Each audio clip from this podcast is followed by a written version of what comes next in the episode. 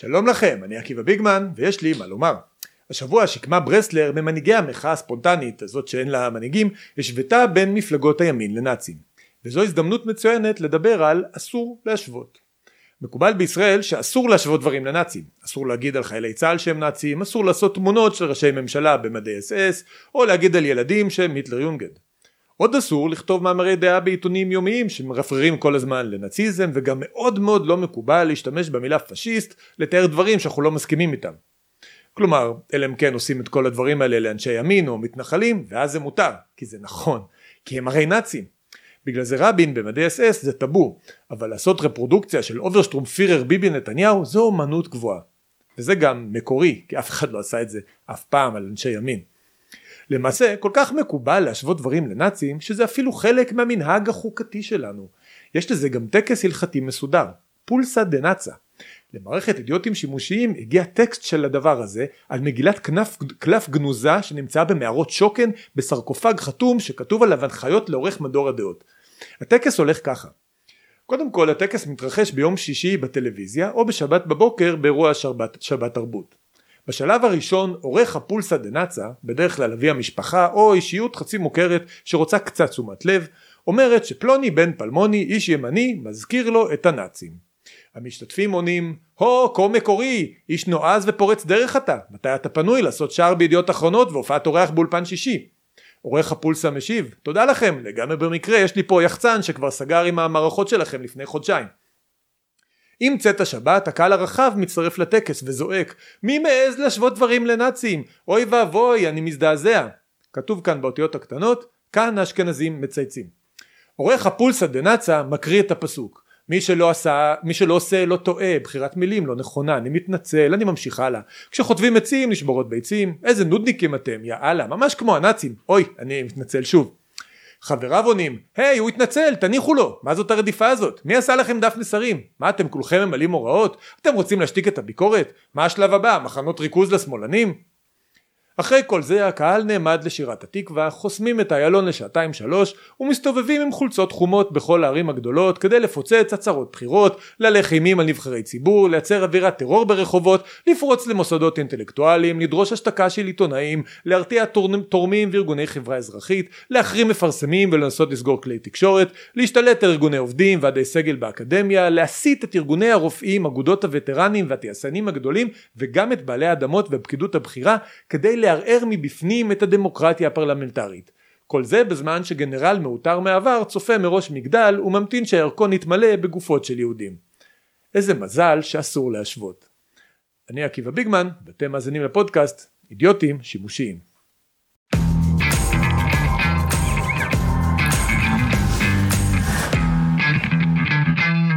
שלום, ברוכים הבאים לפרק נוסף של אידיוטים שימושיים, אני עקיבא ביגמן ואתם מאזינים לפודקאסט שלי, אני שמח שאתם כאן איתי בפרק השמיני של אידיוטים שימושיים, הפודקאסט שנמצא כבר בעקביות בעשרת הפודקאסטים הפוליטיים הכי נשמעים בישראל. אנחנו פועלים להזכירכם על פי עקרון חמשת המ"מים, מנוי, מגיב, משתף, ממליץ ומחבב. חמשת הדברים האלו הם הדברים שבזכותם הפודקאסט הזה מתקיים, בזכות המנויים שלכם יש לנו את היכולת הפיננסית לפעול ואני יכול לייצר את התכנים האלה וגם לכתוב תחקירים באתר מידע, בזכות שאר הדברים אנחנו יכולים להיות חזקים באלגוריתמים של הרשתות החברתיות והפודקאסט הזה מתקדם, אז לגשת לכל המקומות, לעשות מנוי, לכתוב מנוי לעקיבא ביגמן אידיוטים שימושים באתר מידע ולהצטרף לקהילת השותפים שלי, זה מקנה לכם גם את האפשרות לשלוח לי שאלות שלהם אני עונה בסוף הפודקאסט בפינת האדם הסביר. לכתוב תגובות לתוכן, לדרג אותו גבוה באפליקציות השונות, זה עוזר לנו מאוד ובזכותכם אנחנו מתקיימים. דבר אחרון מנהלתי, בשבוע שעבר היה לנו כנס ראשון של מידע למנויים, מילאנו אולם גדול של למעלה מ-300 איש, היה כנס מאוד מוצלח, מאוד מרגש, היה לי כיף גדול לפגוש את כולכם, לראות סוף סוף פעם אחת מי נמצא בצד השני של המצלמה, אל מי אני מדבר, אל מי אני כותב, לפגוש את האנשים, ללחוץ ידיים ולראות את האנשים פנים אל פנים, זה היה ממש כיף, היה ממש מרגש, תודה רבה לכם. אנחנו הגענו מאוד מהר לשיאים שאני באופן אישי חשבתי שנגיע אליהם אולי רק עוד כמה חודשים, אולי אפילו שנה. הכנס הזה נתן המון אנרגיה והיה הוכחה אה, חד משמעית שאנחנו נמצאים בדרך הנכונה. אתר מידע גם פתח אה, תוכנית מיוחדת אה, ביום שישי לצופים שומרי השבת כמוני, התוכנית הזאת נמצאת ביוטיוב, אפשר לראות אותה במוצאי שבת, מאוד מומלץ. אה, אה, מאוד מומלץ זה סיכום שבועי טוב שאין אותו בשום ערוץ אחר וזה דבר טוב מאוד שאנחנו עושים וגם זה קורה כמובן בזכות התמיכה שלכם ובזכותכם אז תודה רבה. מה יש לנו היום? היום אנחנו נעשה ספיישל נאצים לכבודה של שקמה ברסלר בעקבות הפתיח שכבר שמעתם אנחנו נעסוק באופן יסודי בטענה של טענת הנאציזם של השמאל ארגומנטום עד היטלרום. למה זה כל כך קריטי להם להתייחס אלינו כנאצים? למה הם לא מוותרים על הטענה הזאת? למה זה חוזר על עצמו כל הזמן בשיח הציבורי? מה יש להם מהנאצים לחבר'ה האלה? מה אתם כבר רוצים מהנאצים? לשאלה הזאת אנחנו נענה היום. מיד מתחילים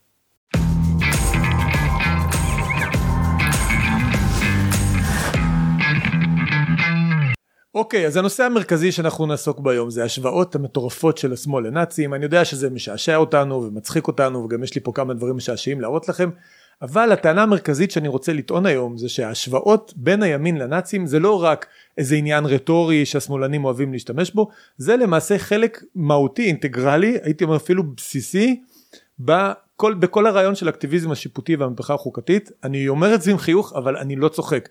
תיקחו מאהרון ברק ומכל החברים שלו האקטיביסטים את ההשוואות לנאצים לקחתם מהם את הבסיס העיקרי לרוב הטיעון שלהם כמעט בכל הנושאים.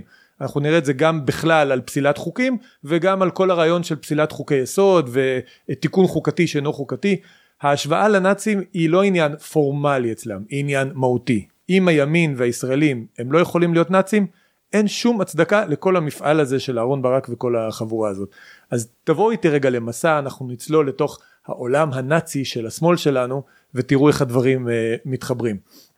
אז דבר ראשון רק בשביל הרפרנס כולם כמובן ראו את הסרטון של שקמה ברסלר uh, שאומרת שאסור לשבת uh, לדבר אפילו עם מפלגות הימין כמובן מדברת על, uh, בהקשר של, ה, של ניסיונות הפשרה האלה כי הם כמובן נאצים בואו נראה רגע את הקטע הזה. לדבר, כי אסור לדבר עם נאצים בין אם הם יהודים או לא יהודים. אז בסדר מפלגות הימין הם נאצים כמובן אה, מן הסתם מתכוונת לציונות הדתית בן גביר סמוטריץ' ואחרים אבל אנחנו יודעים שגם אה, רוב הליכוד נחשב נאצי אז זה לא משנה אין מה לעשות משא ומתן עם הנאצים נאצים צריך להביס ולנצח זה התפיסה שלה היא כמובן לא הראשונה שמשווה לנאצים. אני אתם יודעים שאני אוהב לראות את העידן הזה את התקופה שאנחנו נמצאים בו כתקופה שהתחילה ב2016. הרחבתי כבר על כל ההקשר הזה אה, אה, פרשת אלאור עזריה הכנסתו של ליברמן למשרד הביטחון ממשלת ימין אה, על מלא ראשונה שהייתה פה אי פעם. באותו זמן התחילו חקירות נתניה אהוד ברק חוזר לחיים שלנו וכמובן הנאום האלמותי והבלתי נשכח שמסמן את העידן הזה של יאיר גולן. בואו נזכר אם יש משהו שמפחיד אותי בזיכרון השואה, מזוהים תהליכים מעוררי חלחלה שהתרחשו באירופה בכלל וגרמניה בפרט, אז לפני 70, 80 ו-90 שנה, מסיעת עדות להם כאן בקרבנו היום ב-2016. הוא מזהה את התהליכים, אנחנו מתחילים להיות כמו נאצים. אהוד ברק שחוזר לפעילות שמה ומצית את תנועת המחאה, הוא גם כן משתמש בהשוואות האלה. הממשלה הפכה לפשיסטית. תיזכרו גם בזה. אבל רק עיוור או מיתמם, בור או מתקרנף, לא יראה בצירוף כל אלה את תהליך שחיקת הדמוקרטיה ואת ניצני הפשיזם שדבקו בממשלה הזאת. אז אפשר לראות שההשוואות האלה לנאצים ולפשיזם זה אחד המאפיינים הבסיסיים של העידן הזה. ראש הממשלה מצוי תחת חקירות, בית המשפט לוקח לעצמו עוד ועוד ועוד סמכויות הבחירות נתפסות כלא לגיטימיות, הממשלה לא לגיטימית, התהליך, כל התהליך הפרלמנטרי שלנו נתפס כלא לגיטימי, אנחנו מגיעים השבוע ממש לשיא של הדבר הזה, שבתי המשפט הולכים להתחיל לדון גם בעתירות לבטל חוקי יסוד, את הכוח ליצירת חוקה שניתן לכנסת על ידי בעצם אהרון ברק ונרחיב על זה בהמשך. וכל התפיסה הזאת של הדמוקרטיה הפרלמנטרית כלא לגיטימית כי היא יכולה להוביל לנאציזם. זה כמובן רעיונות לא חדשים אבל הם אה, הגיעו להבשלה והייתי אומר אולי גם להבשלה פוליטית בשנים האלו של, אה, של המחאה סביב אה, ממשלות נתניהו האחרונות. עכשיו הרעיון הזה שהממשלה יכולה להפוך לנאצית זה אחד הרעיונות הבסיסיים של אהרן ברק. הוא מבסס על זה הרבה מההנמקה שלו לכוח שצריך לתת לרשות השופטת. הרעיון הבסיסי אומר כך היות והכנסת יכולה לחוקק מה שהיא רוצה היא יכולה גם לחוקק חוקים שיפגעו בזכויות אדם וזה הפרדוקס הזה, כאילו השאלה הזאת הרטורית שתמיד מציגים לנו, מה יקרה אם הכנסת תחוקק, תחוקק חוק להרוג את כל הג'ינג'ים. כמובן שאף פעם לא היה חוק כזה, אבל אומרים הכנסת עלולה לחוקק חוק להרוג את כל הג'ינג'ים ולכן חייבים לתת כוח לבית המשפט העליון. זה טיעון ש, ש, שנמצא בתוך הכתבים גם של אהרן ברק ובהרבה מקומות אחרים, ההבנה או ההנחה ש, שבעצם בכולנו חבוי נאצי קטן, רוב פרלמנטרי יכול להיות נאצי, נמצא כאן גם הרעיון שהנאצים עלו לשלטון באמצעים דמוקרטיים רגילים, שזה צריך לטפל בזה פעם אה, כמובן אולי בפודקאסט נפרד זה כמובן שטות גמורה.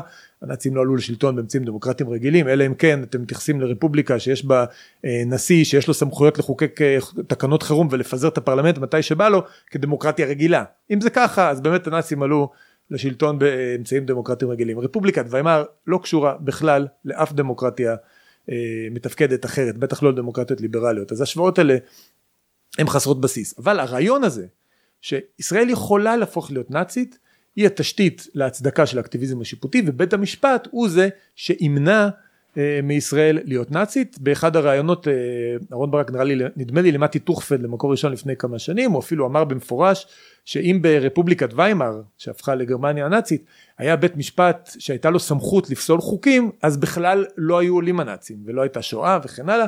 אני הפרחתי את זה באיזשהו אה, מאמר באתר מידע לפני כבר כמה שנים כי מסתברר שברפובליקת ויימאר לבית המשפט העליון הפדרלי היו, הייתה יכולת לפסול חוקים. רק מה? שבית המשפט שמה בחר להעדיף את הנאצים יכול להיות ששופטים יכולים להעדיף את הנאצים משמע.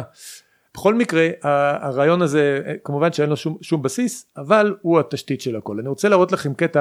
יש אה, סרט אה, אה, סרט דוקומנטרי שעשו על, על אהרון ברק. זה מאוד אהרון ברקי כי מי שקיבל את הזכות לעשות את הסרט זה החתן שלו רם לנדס שנשוי לבת שלו של אהרון ברק.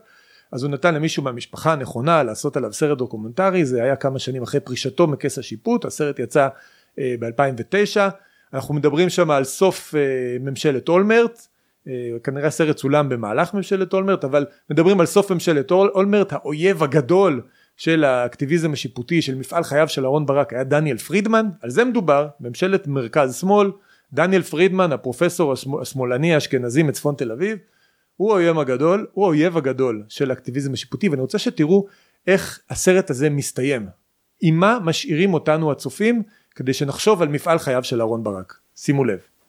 מה שאני חרד זה שהשינוי יעשה בגלל אקט פוליטי, בגלל אה, אה, שלטון שמתעמר בשלטון החוק. השינוי שברק חושש ממנו כבר מקנן מעבר לפינה. הכוחות הפוליטיים שמנסים לחולל אותו מנצלים תחושות של עייפות מבית המשפט העליון.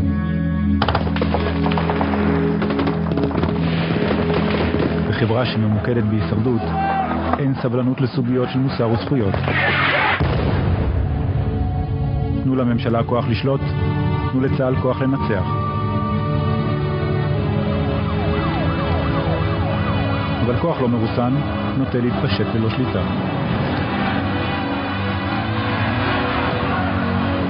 יום אחד נתעורר ונגלה שהוא מופנה נגד כל אחד מאיתנו.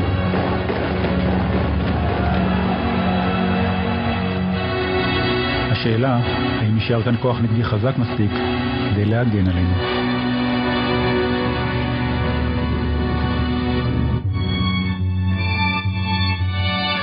אתם רואים? אז יש איומים על הדמוקרטיה יש איומים על זכויות האדם האיומים הללו יכולים להגיע לקלגסים שהמשטרה תופנה נגד האזרחים ואנחנו רואים את השוטרים שרצים אל המסך רצים אלינו מאיימים אלינו ומי שהמוסד היכול, היחיד שיכול להציל אותנו זה בית המשפט.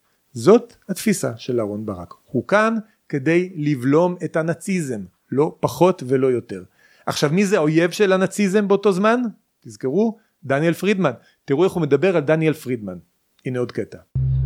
פרידמן ניסה להחזיר את המהפכה של ברק 30 שנה לאחור. הוא לא הצליח כי נאלץ לפרוש מתפקידו כשממשלת אולמרט התפרקה. אבל הוא המחיש בבירור שבישראל הכל הפיך.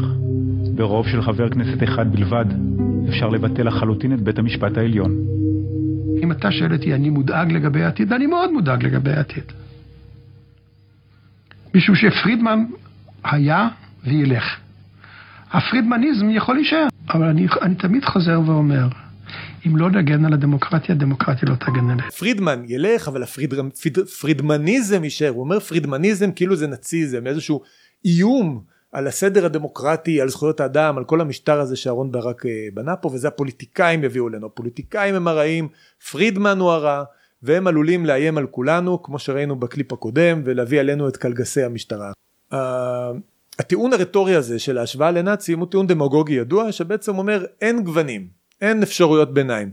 יש אפס או אחת הכל בינארי או מה שאני אומר לכם או זוועות שואה נאצים היטלר האסון הכי גדול שיכול לקרות. אנחנו מכירים את זה מהרבה דברים למשל בנושא האקלים או שאנחנו מאמצים את כל האג'נדות הירוקות עד הסוף או שכדור הארץ יחרב אין באמצע כמו להפחית זיהום אוויר במרכזי ערים אבל אה, לא להכביד יותר מדי על הכלכלה למשל או דברים מהסוג הזה. אין באמצע. או שאנחנו עם גרטה, גרטה טונברג או שאנחנו נשמיד את כדור הארץ. אה, ברק אובמה היה ידוע בשימוש ברטוריקה הזאת או שיהיה הסכם גרעין עם איראן או שתהיה מלחמה גרעינית בכל העולם וכדור הארץ יושמד. תמיד כדור הארץ יושמד. זה, זה ככה זה הכל או כלום. אז אצל אהרון ברק או שאתם מאמצים את התפיסת עולם שלי או שנגיע לנאציזם. עכשיו כשנגיע, כשנגיע לנאציזם מי שנכנס בתוך הדבר הזה זה המון המון אנשים שהם רחוקים מאוד מנאצים זה כל האויבים של אהרון ברק. אני קורא לדבר הזה ארגומנטום עד היטלרום. כלומר טיעון מתוך היטלר. עד אה, טיעון, טיעון מתוך היטלר. כלומר אם נאמץ את מה שאתה אומר נהיה היטלר. נגיע להיטלר. תהיה שואה יהיה נאציזם. זה ככה. עכשיו מה, אצל אהרון ברק מה שקורה זה שכל מי שמתנגד אליו הוא, הוא נאצי. לא רק אה, בן גביר שאפשר להגיד שבגלל שהוא כהניסט או היה כהניסט אז אולי הוא באמת אה, גזען פשיסט. אפשר אולי אה, להלביש עליו את הטענות האמיתיות בנושא הזה. כל מי שמתנגד לאהרון ברק הוא נאצי בתפיסות שלו. ראיתם על פרידמן. הפרידמניזם הנאציזם. זה, זה, זה דניאל פרידמן פרופסור שמאלני מצפון תל אביב אשכנזי מאותו מיליה. הוא גם מסוכן. אה, לפי התפיסה של אהרן ברק מי שאוחז היום בעמדות כמו של משה לנדוי שביקר את, ה, את, ה, את האקטיביזם השיפוטי הוא נאצי הוא עלול להביא אותנו לנאציזם. מי שאוחז בעמדות של חשין שביקר את פסק דין אה, בנק מזרחי לפחות את חלקו גם יכול להיות מתויג כנאצי. כלומר הסיפור עם הארגומנטום עד היטלרום הזה הוא שככל שאנחנו מתקדמים ככל שהטיעון של השמאל הקיצוני מתקדם ככל שהמהפכה החוקתית מתקדמת נשארים יותר ויותר אנשים שהם הופכים להיטלר. בגלל שאין גוונים בגלל שאין באמצע אז כל מי שמתנגד יכול להיות מישהו הלך עם אהרון ברק 40% מהדרך 60% מהדרך ובשלב מסוים אומר עד כאן אדוני? כבר מאוחר מדי. אתה כבר היטלר. מה שאתמול היה ליברליזם היום הוא היטלר. ככה, ככה עובד uh, הטיעון הזה ככה עובדת השקפת העולם הזאת ולכן גם היום אנחנו רואים uh, על, על הרפורמה המשפטית הרבה אנשים תמכו ברפורמות במשך השנים היום הם כולם מתויגים כהיטלר מי שאוחז בעמדות האלה הוא נאצי הוא היטלר uh, וכן הלאה וכן הלאה ואסור אפילו לדבר איתו. עכשיו אני רוצה לעשות איתכם איזשהו משחק. הרי מפעל חייו של אהרן ברק זה למנוע את הנאציזם וכדי למנוע נאציזם הוא הצדיק אפילו פסילת אה, חוקים על ידי בית המשפט דבר שהכנסת לא נתנה לו סמכות בצורה מפורשת ואני הרחבתי על זה באחד הפודקאסטים אה, אבל כדי למנוע נאציזם עושים הכל. עכשיו השאלה הגדולה אה, תרגיל שהייתי רוצה לעשות איתכם. בואו נעשה רגע דמיון מודרך בסדר? תעצמו עיניים סתם אל תעצמו אני רוצה שתראו אותי. אבל תעשו דמיון מודרך ובואו נדמיין עולם בלי אהרון ברק. נגיד שאהרון ברק היה נשאר פרופסור למשפטים ולא היה מגיע בכלל לבית המשפט העליון היה כבר פורש מזמן.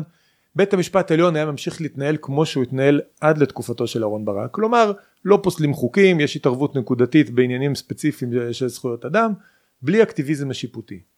בוא, כדי לעשות את זה אנחנו נעשה את הדבר הבא.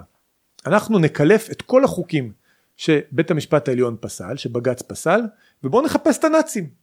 נוריד את כל החוקים האלו ונראה אם אנחנו נצליח למצוא את הנאצים האלה שאהרן ברק הציל אותנו מפניהם אז יאללה בואו איתי יצאנו לצוד את הנאצים. יש לי כאן רשימה של כל החוקים שבית המשפט אה, שבג"ץ פסל במשך השנים המכון הישראלי לדמוקרטיה גיבש את הרשימה הזאת כדי להראות לנו שלא פסלו כל כך הרבה חוקים בכלל. וזה נכון פסלו 22 חוקים זה מעט יחסית למדינות שבהם יש אה, בחוקה סמכות לבית המשפט לפסול חוקים זה המון יחסית למדינות שאין להם חוקה ובטח שאין שם הרשאה לבתי משפט לפסול חוקים. אבל אתם יודעים מה אין שם? אין שם נאצים. בואו נראה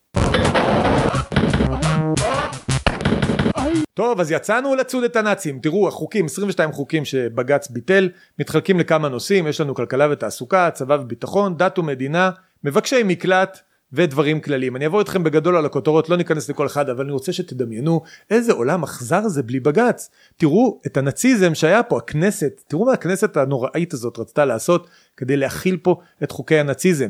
למשל בג"ץ ביטל איזושהי תקנה שנוגעת בקבלת רישיון לניהול תיקי השקעות. בג"ץ טען שזה פגיעה בחופש העיסוק. איזה נאציזם. בג"ץ אסר על שידורים אה, של ערוץ 7. הוא הורה בעצם, הוא ביטל חוק שהתיר לערוץ 7 אה, לשדר. הכנסת הנוראית רצתה לאפשר לעוד תחנות רדיו לשדר חדשות, בג"ץ ביטל את זה, איזה נאציזם. אה, איסור שלילת הבטחת הכנסה מאדם שמחזיק ברכב, והיה נהוג שאדם שיש לו רכב לא יקבל הבטחת הכנסה מביטוח לאומי, בג"ץ הציל אותנו מהנאצים וביטל את זה, מי שיש לו רכב מקבל מהביטוח לאומי, כל הכבוד, בג"ץ חייב את המדינה לתת הנחות במס הכנסה ליישובי ספר גם ליישובים ערבים, אוקיי? ובג"ץ ביטל את חוק מס דירה שלישית שמי שמחזיק בשלוש דירות ומעלה צריך לשלם מיסים. אתם יודעים באיזה משטר משלמים מיסים על שלוש דירות ומעלה כן? היו פה כמה עתירות שנוגעות לצבא וביטחון אחת שנוגעת בהחזקה של חיילים במעצר. אה, קיצרו את הזמן שמותר להחזיק חייל בעצם שעבר עבירה צבאית אה, במעצר. אה, בג"ץ חייב את המדינה לשלם בנזיקין לפלסטינים שנפגעו מכוחות הביטחון אוקיי? ודברים שנוגעים למעצרים ביטחוניים של, של עצורים ביטחוניים והדבר דבר אה, מאוד נאצי אה, המדינה רצתה לשלול קצבאות ממחבלים אזרחי ישראל מהילדים של מחבלים אזרחי ישראל. בג"ץ חייב את המדינה לתת למחבלים אזרחי ישראל לתת לילדים שלהם קצבאות. משטר שבו לא נותנים קצבאות ביטוח לאומי לילדים של מחבלים זה משטר נאצי. על זה אנחנו מדברים בדת ומדינה היו שני חוקים שרצו לתת אה, הבטחת הכנסה או קצבאות מסוימות לאברכים. בג"ץ, בג"ץ דחה את זה כלומר המדינה הנאצית הנוראית רצתה לתת לאברכים שלומדים תורה כסף. בזכות בג"ץ ניצלנו מהנאציזם הזה. עוד נאציזם שניצלנו ממנו זה ניסיון לפטור אברכים אה, אה, בכלל בחורי ישיבה לפטור אותם מגיוס. חוק הגיוס בוטל כמה פעמים. מדינה רצתה לתת לאנשים שלומדים תורה לא להתגייס לצבא וניצלנו גם כן מהנאציזם הזה בזכות בג"ץ עוד דברים שבג"ץ התערב בהם, הוא התערב בארבע חוקים שונים שנוגעים למסתננים, המדינה רצתה להחזיק מסתננים במשמורת במתקן חולות ולהשתמש בחלק מההכנסות שלהם כתמריץ אה, כלכלי כדי שהם יעזבו, בג"ץ פסל את הדברים האלה, תתלו את הסעיפים האלו מספר החוקים, המדינה לא הופכת לנאצית, כל המדינות יש להם אה, מנגנונים כאלה נגד הגירה לא חוקית, יש לנו גם אה, עוד התערבות של בג"ץ, הפרטת בתי סוהר, המדינה רצתה שחברה פרטית תנהל בתי סוהר, בג"ץ ביטל את החוק הזה, אה, ועוד, אה, ועוד כמה דברים. קחו את כל, את כל החוקים האלה שבזכות בג"ץ אין לנו אותם, תכניסו אותם לספר החוקים. מה קיבלתם? לא יודע. מדינה רגילה שיש בה חרדים אז יש להם קצת דברים אולי לא הוגנים. מדינה שבה יש איזשהו מיסוי לדעתי מטומטם על דירה שלישית. שיש רדיו למתנחלים. מה יש כאן? איפה הנאצים? איפה הנאצים הנוראים שמפחידים אותנו מהם כל הזמן? אין נאצים, אין במדינה הזאת נאצים. תיתנו לכנסת לעשות מה שהיא רוצה, לא תגיעו לנאצים. כל החוקים בעצם שבג"ץ ביטל לא נוגעים לדמוקרטיה, אף אחד לא נוגע לנהלים הבסיסיים של דמוקרטיה, לחירויות האזרח, לבחירות, למבנה של הרשויות, שום דבר שיכול לפרק את הדמוקרטיה ולהוביל לדיקטטורה. החוקים שבג"ץ ביטל נוגעים נטו לאידיאולוגיה. יש ויכוחים בתוך החברה מה לעשות עם החרדים, יש דעות לכאן ויש דעות לכאן. יש ויכוחים מה לעשות עם ההגירה הלא חוקית, יש ויכוחים כלכליים. אלה ויכוחים לגיטימיים בתוך גבולות השיח של כל חברה. זה לא דברים שנוגעים לתשתית של המבנה של החברה. בג"ץ הפך את עצמו לשחקן פוליטי, כמו שהתריעו מתנגדיו הרבים של אהרן ברק. לא מוצא חן בעיניו הפתרון שהכנסת הגיעה אליו בנושא גיוס חרדים, אז הוא מבטל אותו. הוא לא אוהב את ההחלטות בנוגע להגירה, להגירה לא חוקית, אז הוא מבטל אותם.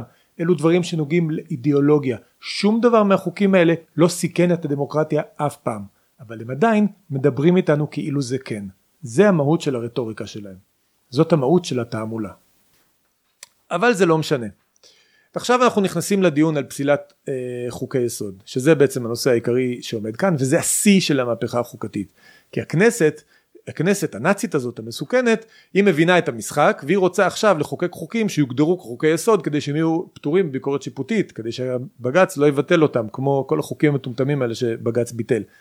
כשאנחנו רוצים לראות עד כמה דיון מסוים הוא אידיוטי וטיפשי אנחנו הולכים לציוצים של אה, עיתונאים שלנו ויש כמה עיתונאים שסיפקו לנו יופי של הסברים למה בית המשפט חייב לבטל חוקי יסוד למרות שאין שום סמכות כזאת וזה לא כתוב בשום מקום. אני רוצה להתחיל איתכם עם ציוץ בעיניי מדהים של חמי שלו הוא אומר ככה לבג"ץ אין סמכות לפסול חוקי יסוד, ציטוט. זה התחיל בתור ספין ניסויי של מחוללי הרפורמה ושופרותיהם, תפס תאוצה בתר... בקרב התומכים והשונאים, והופ, יש מאין הפך לעיקרון חוקתי עתיק יומין שאין עוררין עליו ושווה לשרוף את המדינה בשבילו.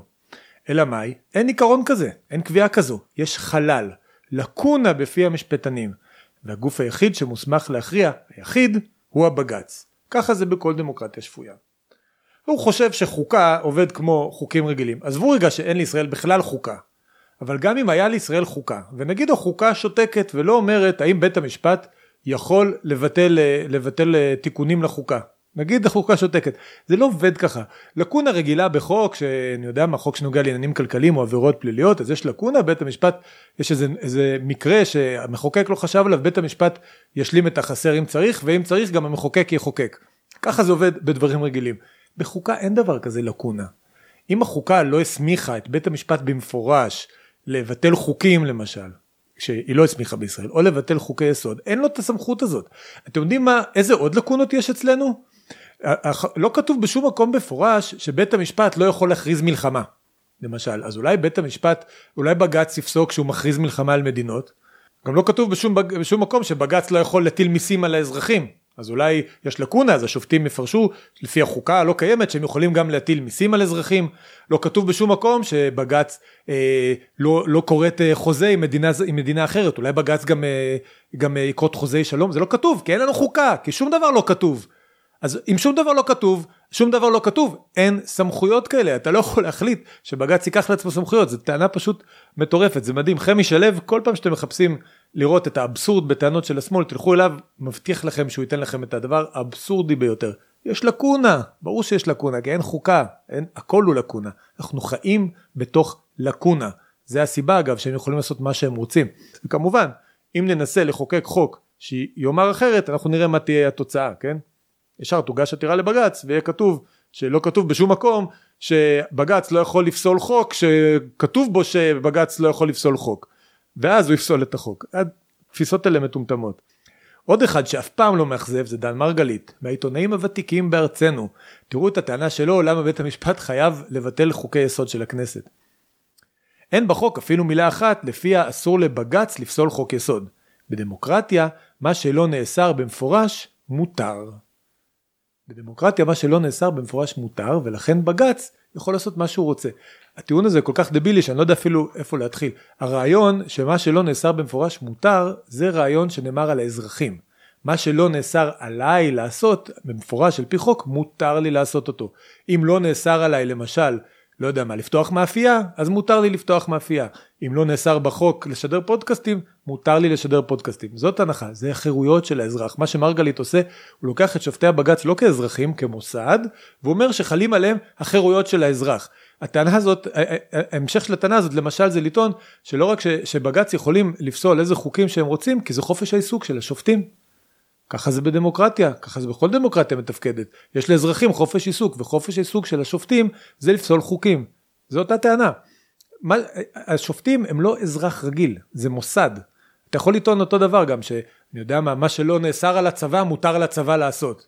אז אולי מותר לצבא אה, לבוא ולהחרים רכוש, אולי מותר לצבא לבוא ולכבוש את בית המשפט.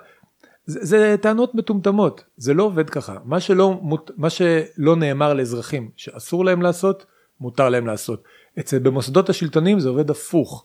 מה שלא נאמר במפורש שמותר להם לעשות, אסור להם לעשות. זה, זה הדברים, הציטוטים האלה, אם אני לא טועה זה מפדרליסט או מאבות הדמוקרטיה האחרים, זה הציטוט. לאזרחים, מה שלא אסור מותר, ולשלטון, מה שלא מותר בפירוש, אסור בפירוש. זה בדיוק הפוך ממה שדן מרגלית אה, אה, חושב, אבל כל החבר'ה האלה נעולים, הם רודפים אחרי הנאצים, מותר לעשות הכל. ברור להם שהתוצאה צריכה להיות שבית המשפט יפסול את חוקי היסוד האלה, ולא אכפת להם הדרך, את הנימוקים הם ימציאו תוך כדי תנועה. המשפטנים, כמו שנראה לכם עוד מעט, עושים את זה בצורה יותר אלגנטית, אבל זה אותו דבר. כולם ממציאים נימוקים כדי לתת לשופטים את הסמכות לעשות מה שהם רוצים. כשאנחנו מדברים על להמציא נימוקים אנחנו יכולים לסמוך על יאיר גולן שמדלג על השלב הזה. הוא לא צריך להמציא נימוקים, הוא איש צבא, הוא מבין בכוח, והוא רוצה שיהיה כוח לעשות מה שאנחנו רוצים כי הוא לא אוהב את העם שלו, כי זה מזכיר לו כל מיני תהליכים, אז תראו את הציוץ הזה.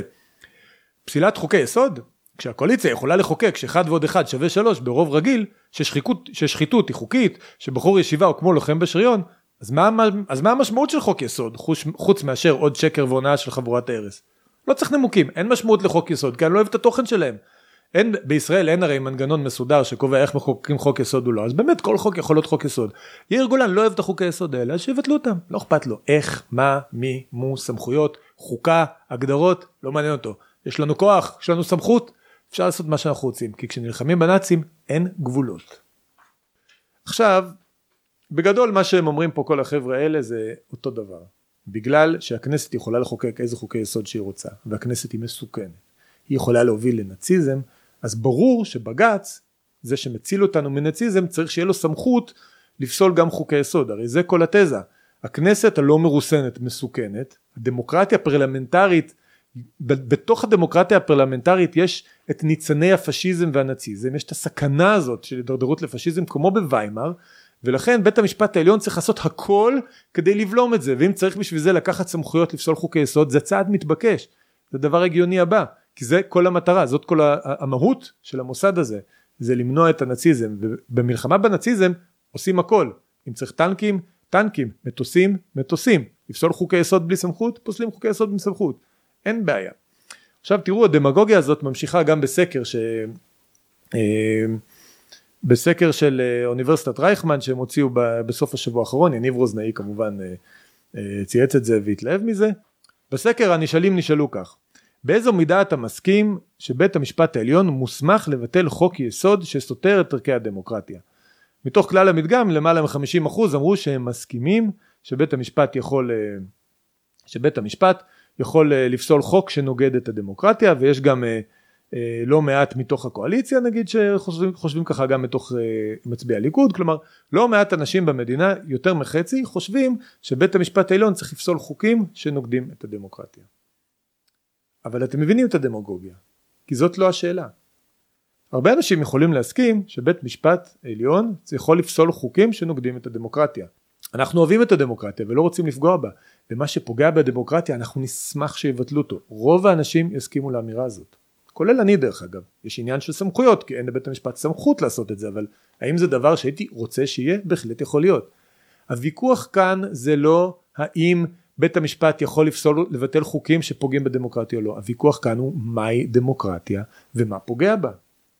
האם התיקון, אה, התיקון לחוק יסוד של הסבירות פוגע בדמוקרטיה? הקואליציה חושבת שלא, להפך חושבים שזה משקם את הדמוקרטיה ומחזיר את המאזן בין הרשויות למקומו הראוי ולא מאפשר לבית המשפט העליון להתערב במינויים משיקולים אידיאולוגיים ודברים אחרים. באופוזיציה חושבים שזה פוגע בדמוקרטיה אבל על זה הוויכוח ולכן זאת השאלה שצריך לשאול את הציבור. תשאלו את הציבור על הסבירות לא שאלות כלליות על דמוקרטיה זה כמו לשאול על השלום. יש סקרים כאלה תשאלו את הציבור האם אתם מעוניינים בשלום עם פלסטינים? 100% יגידו כן. האם אתם מעוניינים מוכנים למסור שטחים בשביל שלום באמת עם הפלסטינים 80-70% מהציבור יגידו כן. אבל אז ייכנסו לשאלות פרטניות, האם אתם מוכנים למסור התנחלויות לאש"ף בהנהגת אבו מאזן במצב הנוכחי שיהיה הסדר ביטחוני כזה או אחר? רוב הציבור יגיד לא, כי כשנכנסים לפרטים שם אה, שם האמת נמצאת. אז תשאלו את הציבור את הפרטים, תשאלו את הציבור על הסבירות, תשאלו את הציבור על נבצרות, לא שאלות כלליות. האם אתם רוצים שנעשה את כל מה שאפשר כדי להציל את הדמוקרטיה? ברור. כולנו רוצים, זה כמו לעשות סקר ולשאול האם אתה רוצה להיות בריא, צעיר ועשיר. מישהו יגיד לא? מישהו יגיד לא לסקר כזה? מישהו לא, אני רוצה להיות אני חולה וזקן. אף אחד לא יענה כזאת שאלה, אף אחד לא יענה שאלה נגד הדמוקרטיה. וזה התעלול הרטורי שהם עושים פה, זה, זה הדמגוגיה שלהם בכל הקמפיין אה, נגד הרפורמה הזאת. הם בעד הדמוקרטיה, אנחנו נגד הדמוקרטיה. אם אנחנו נגד הדמוקרטיה, אנחנו פשיסטים, אנחנו נאצים, כל הדברים האלה נכנסים בתוך התהליך. עכשיו תראו, אני בגלל שאני בחור רציני ובגלל שאומרים לי שהולך להיות דיון על פסילת חוקי יסוד על ידי, אה, על ידי בג"ץ, בעצם אה, פסילה של תיקונים לחוקה, זה בעצם הנושא שאנחנו מדברים עליו, הלכתי לקרוא קצת על הדוקטרינות ועל הרעיונות של פסילת תיקונים לחוקה בכל מיני אה, מדינות לעולם, מי שכמובן עשה מזה קריירה אקדמית זה יניב רוזנאי, שכתב על זה את הדוקטורט שלו, ספר וגם אה, כמה מאמרים ובזמן האחרון המון המון ציוצים. אז קראתי את אחד המאמרים שלו, לדעתי זה המאמר המרכזי שמבוסס על הדוקטורט, הוא עושה סקירה של כל המדינות בעולם שבהם יש כזה דבר, יש בהם דוקטרינה של, הוא קורא לזה תיקון חוקתי שאינו חוקתי. עכשיו, לא תתפלאו לשמוע שיש כזה דבר, יש המון מדינות בעולם שבהם יש כללים שהפרלמנט, המקבילה של הכנסת, לא יכול לעשות תיקונים לחוקה כמה שהוא רוצה, יש לזה מגבלות. עכשיו, לפי החלוקה של רוזני יש שם כמה מודלים. אה, המודל העיקרי שיש ברוב המדינות המערביות הוא, הוא קובע בחוקה עצמה יש סעיפים שמגדירים מה מתוך החוקה אפשר לשנות ומה לא ולפעמים יש אפילו פרוצדורה איך לשנות את מה שנחשב לעקרונות יותר גבוהים ובדרך כלל מה שיש ככה זה אה, למשל אה, בגרמניה, איטליה ואוסטריה יש כל מיני וריאנטים אבל בתוך החוקה עצמה מופיע שיש מאפיינים יסודיים של החוקה שאותם לא ניתן לשנות. למשל שהמשטר יהיה משטר רפובליקני דמוקרטי שיהיו בחירות אה, אה, מערכת יחסים מסוימת בין הרשויות שתתקיים הפרדת רשויות עצם קיומה של הפרדת רשויות למשל. אלו דברים שכתוב בחוקה שאי אפשר לשנות אותם או במקרה של אוסטריה אם רוצים לשנות אותם יש דרך לעשות תיקונים של העקרונות הבסיסיים של החוקה זה כולל גם משאל עם ודברים מהסוג הזה. זה מוסדר בחוקה. אחלה. יש מדינות אה, נוספות אה, שבהם דברים, הדברים האלה מוגדרים בחוקה בהתאם למודל הזה, זה ככה גם בטורקיה וביוון, אה, בדרום אמריקה יש כל מיני וריאנטים של הדבר הזה, או שיש סעיפים מפורשים בחוקה, או שיש אה, כללים איך לשנות. רוב המדינות שבהם יש את, הדוק, יש את דוקטרינה של תיקון חוקתי שאינו חוקתי, זה חלק מובנה בשיטה וזה נכלל, זה מוגדר בתוך החוקה. וזה מאוד הגיוני, אין בעיה. מדינה יצאה מדיקטטורה, קחו למשל את גרמניה המערבית, מה שהיום גרמניה, הם יצאו, יצאו בדיוק מהנאציזם, והם חששו מתקדים ויימאר, ואם בחוקה של ויימאר היו כל מיני סעיפים שאפשרו לנשיא סמכויות דיקטטוריות וכן הלאה, שבסוף העלו את הנאציזם, הם עשו הפוך, ואמרו בחוקה שלהם, יש פה דברים שהם בלתי ניתנים לשינוי. אף אחד לא יכול לשנות את, ה, את האופי הבסיסי של המשטר הדמוקרטי של המדינה וזה גם קיים במדינות אחרות בדרום אמריקה גם הרבה מדינות יצאו מכל מיני אה, שלטונות דיקטטוריים ואימצו סעיפים כאלה זה כתוב בחוקה. הדבר הזה הוא מעניין הוא מדהים הוא לא רלוונטי לגמרי כי בישראל פשוט אין חוקה. עכשיו אפשר לנהל דיון עקרוני האם אנחנו מעוניינים שכך יהיה?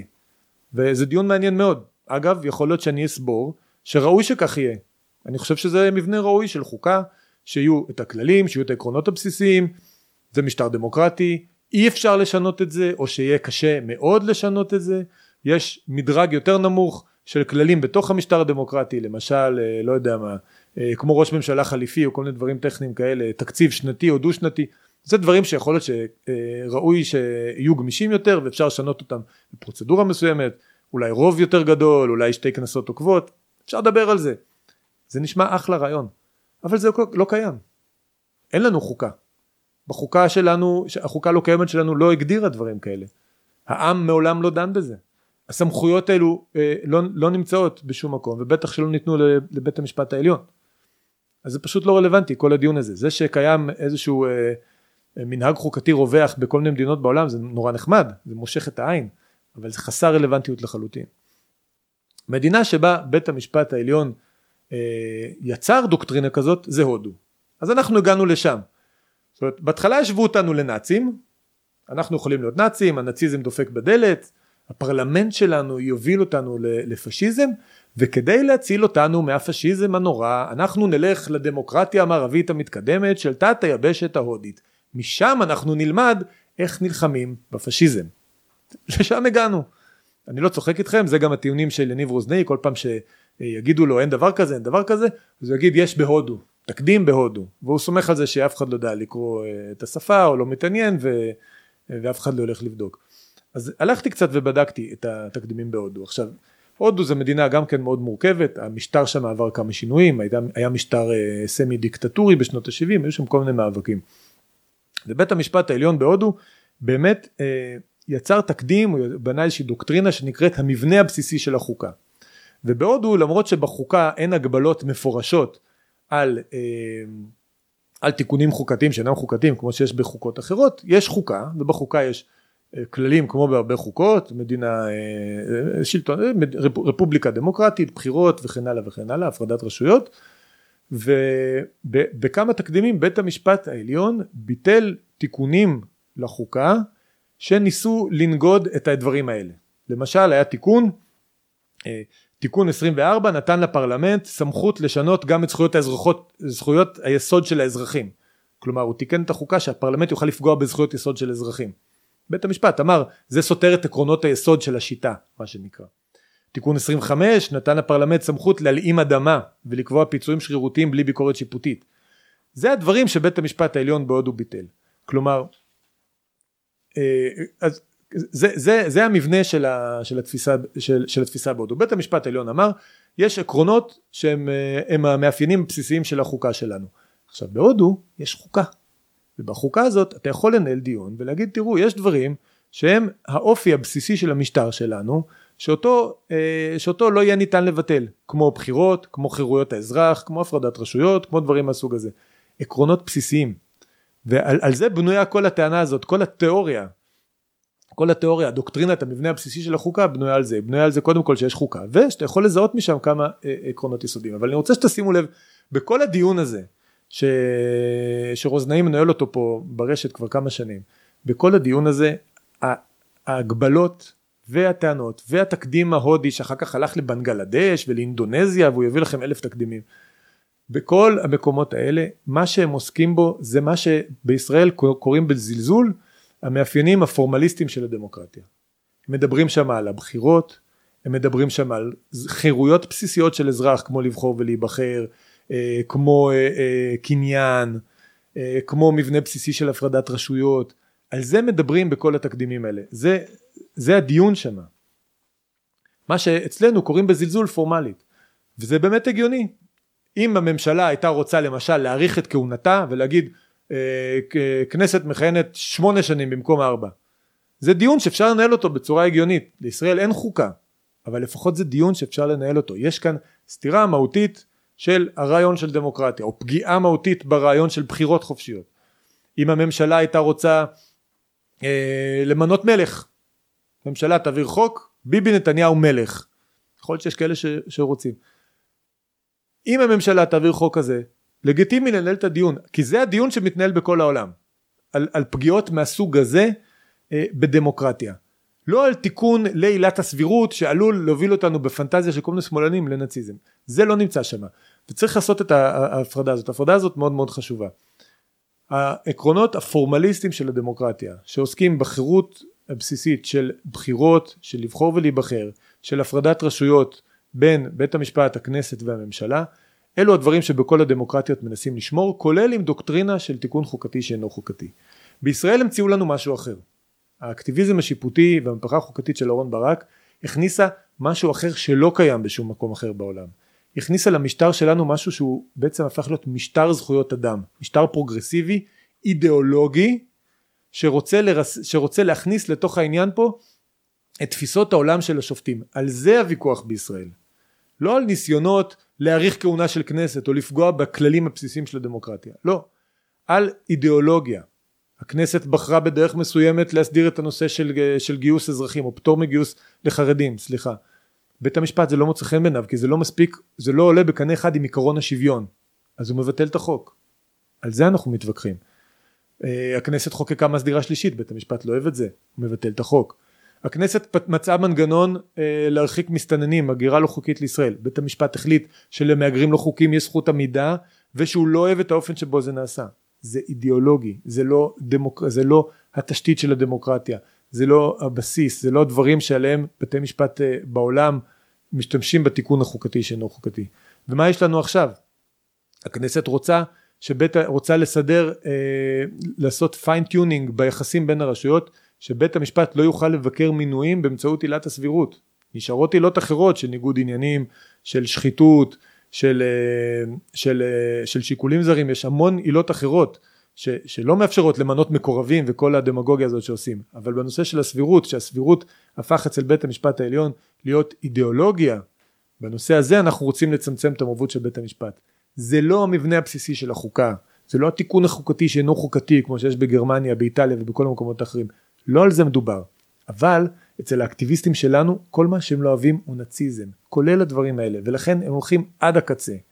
זה, אתם, ת, אתם תצמצמו את עילות ההתערבות של בית המשפט העליון, אתם נאצים, ואם אתם נאצים מותר לנו לעשות הכל, כי בנאצים נאבקים בלי גבולות. זה הסיפור הגדול, בנאצים נאבקים בלי גבולות ואהרון ברק רוצה שלבית המשפט העליון תהיה סמכות אה, לבטל חוקי יסוד של הכנסת, לבטל, לבטל בעצם את הדבר הכי קרוב לחוקה שיש לנו, אז הוא ממציא דוקטרינה חדשה משלו והוא טוען שמגילת העצמאות היא בעצם כמו חוקה ולא רק זה שצריך לפרש את מגילת העצמאות לפי הערכים שאנחנו הכנסנו, שהוא הכניס בחוק יסוד כבוד האדם וחירותו ומי שמתנגד היום לערכים של כבוד אדם וחירותו שהוא הכניס שם את כל מה שאתם רוצים את השוויון את, את הכל נכנס בכבוד אדם וחירותו מי שמתנגד לזה היום הוא מתנגד למגילת העצמאות. ואהרון ברק במאמר שלו שהוא אה, פרסם לפני שבוע הוא אפילו איים על נשיאת העליון חיות שהיא חייבת אה, למעשה לפסוק אה, לבטל את חוק הסבירות.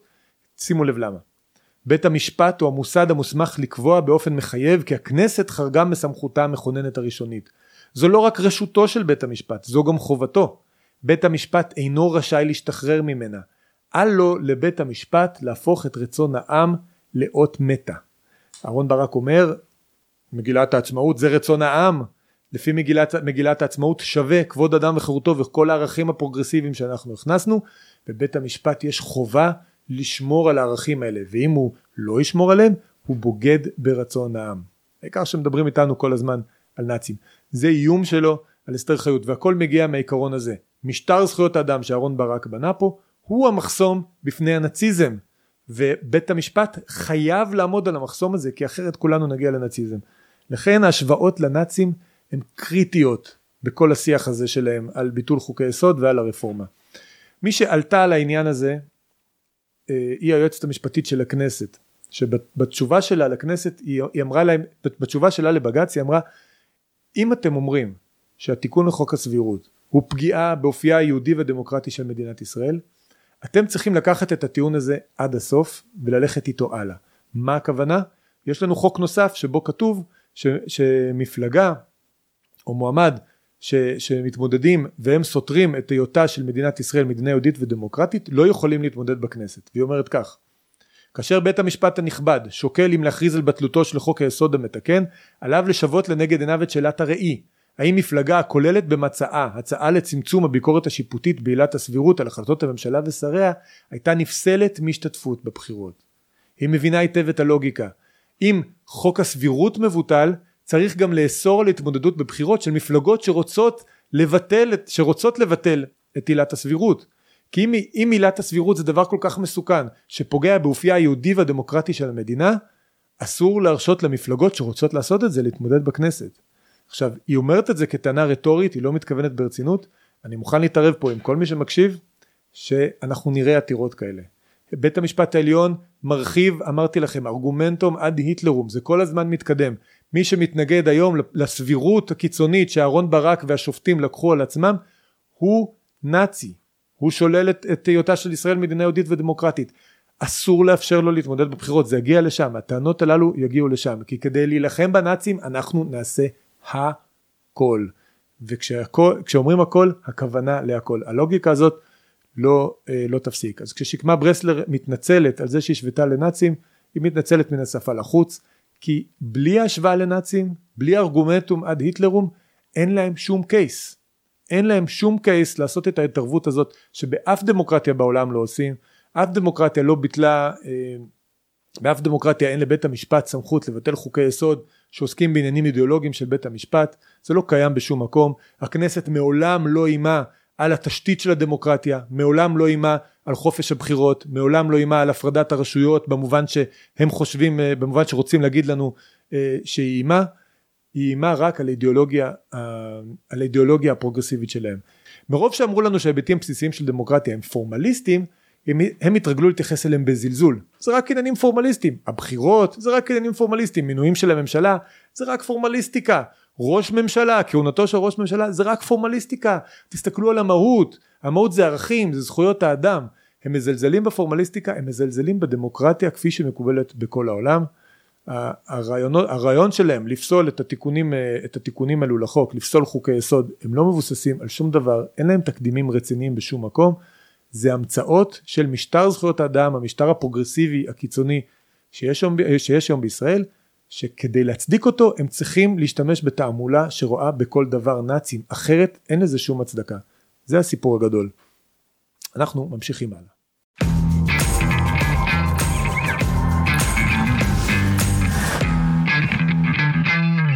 אוקיי, פרק נוסף של אידיוטים שימושיים הגיע כמעט לסיומו, לפני כן פינת האדם הסביר במסגרתה אני האדם הסביר יענה לשאלות שלכם, האנשים הבלתי סבירים בעליל שעשו מנוי לאידיוטים שימושיים ויכולים לשלוח לי שאלות באזור האישי באתר, מי שעוד לא עשה זאת ההזדמנות, קישור נמצא כאן ממש למטה בווידאו הזה.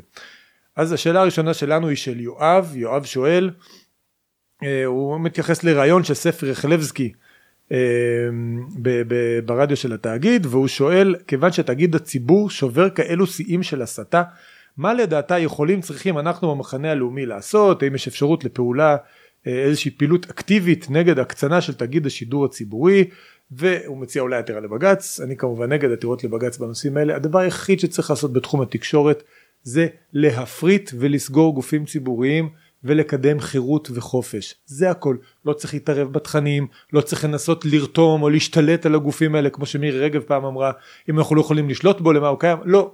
לא צריך לשלוט בו והוא לא צריך להיות קיים גם אם אתם כן יכולים לשלוט בו אין הצדקה שכסף מדינתי ילך לדברים האלה. הדבר היחיד שצריך לעשות זה לסגור לקצץ להפחית תקראו לזה איך שאתם רוצים תמצאו טקטיקה איזה טקטיקה שאתם רוצים. בסופו של דבר המטרה צריכה להיות להחליש את הגופים הציבוריים האלה ולהגדיל את החירות.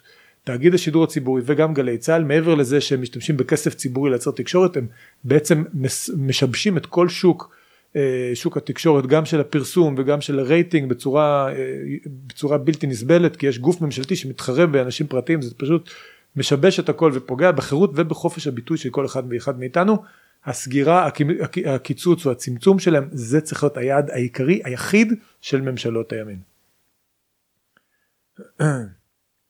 שחר אומר כך במאמר האחרון של אהרן ברק הוא אומר שמגילת העצמאות קובעת את רצון העם ועל סמך רצון העם הזה בג"ץ יכול לבטל חוקי יסוד אז הוא מציע שהממשלה תעשה אה, מעשה ותבדוק באמצעות משאל עם מה בעצם העם רוצה ולהעלות את כל הנושא הזה למשאל עם.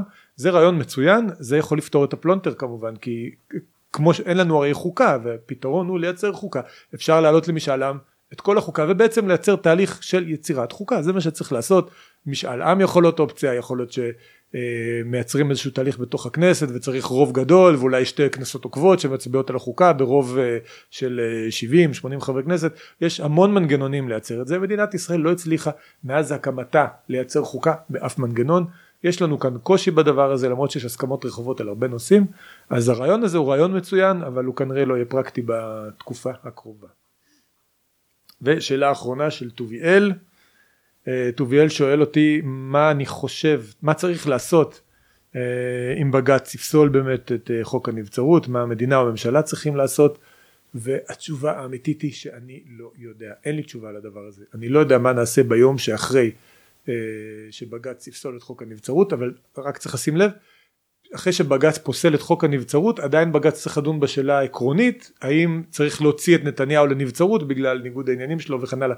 רק לעשות סדר בתהליך יש שתי עתירות הוגשה עתירה לפני אני חושב קצת אחרי הבחירות או משהו כזה הוגשה עתירה שנתניהו uh, צריך לצאת לנבצרות בגלל הניגוד עניינים והליכים המשפטיים וזה ועל זה הכנסת חוקקה חוק הנבצרות שקבע שאי אפשר להוציא לנבצרות מנימוקים כאלה אלא רק מנימוקים uh, רפואיים או נפשיים בג"ץ עכשיו דן בחוק הזה של הכנסת. אם בג"ץ יבטל את החוק את חוק הנבצרות אז בג"ץ יוכל לדון בשאלה עצמה ורק אחרי שהוא ידון בשאלה עצמה ויפסוק שנתניהו צריך לצאת לנבצרות אז השאלה באמת אם אה, מה יקרה איך יקרה מה, מה דברים שיקרו. אני באמת בכנות לא יודע מה צריך לעשות ברגע הזה. יש כאלה אנשים שאומרים שצריך אה, לסרב להפר את ההוראה של בית המשפט. יכול להיות שזה מה שצריך לעשות אני באמת לא יודע.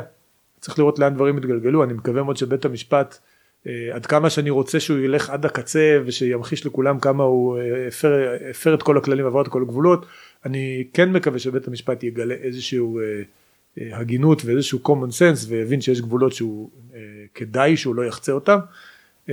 אבל אני באמת בכנות שואל את עצמי את השאלה הזאת כל יום ואני לא יודע לענות עליה ולכן זאת שאלה שהיא טובה מאוד כי היא טובה יותר מכל התשובות אז אה, אין לי פה בשורה בעניין הזה. זהו. אז זהו סיימנו להיום תודה רבה לכם תודה רבה לכם שהייתם איתי תודה רבה על התמיכה תודה רבה לחמשת הממים שבזכותם אנחנו קיימים מנוי מגיב משתף ממליץ מחבב מי שלא עשה את הדברים האלה זה אף פעם לא מאוחר התמיכה שלכם חשובה לי מאוד והיא עוזרת לי להיכנס ליוטיוב וסליחה להיכנס לגוגל ולכתוב מנוי לאידיוטים שימושי בפודקאסט של עקיבא ביגמן באתר מידע זה עוזר לי מאוד בזכותכם אני קיים בזכותכם אנחנו עובדים. תודה רבה לכם ואנחנו ניפגש בשבוע הבא בפרק הבא. להתראות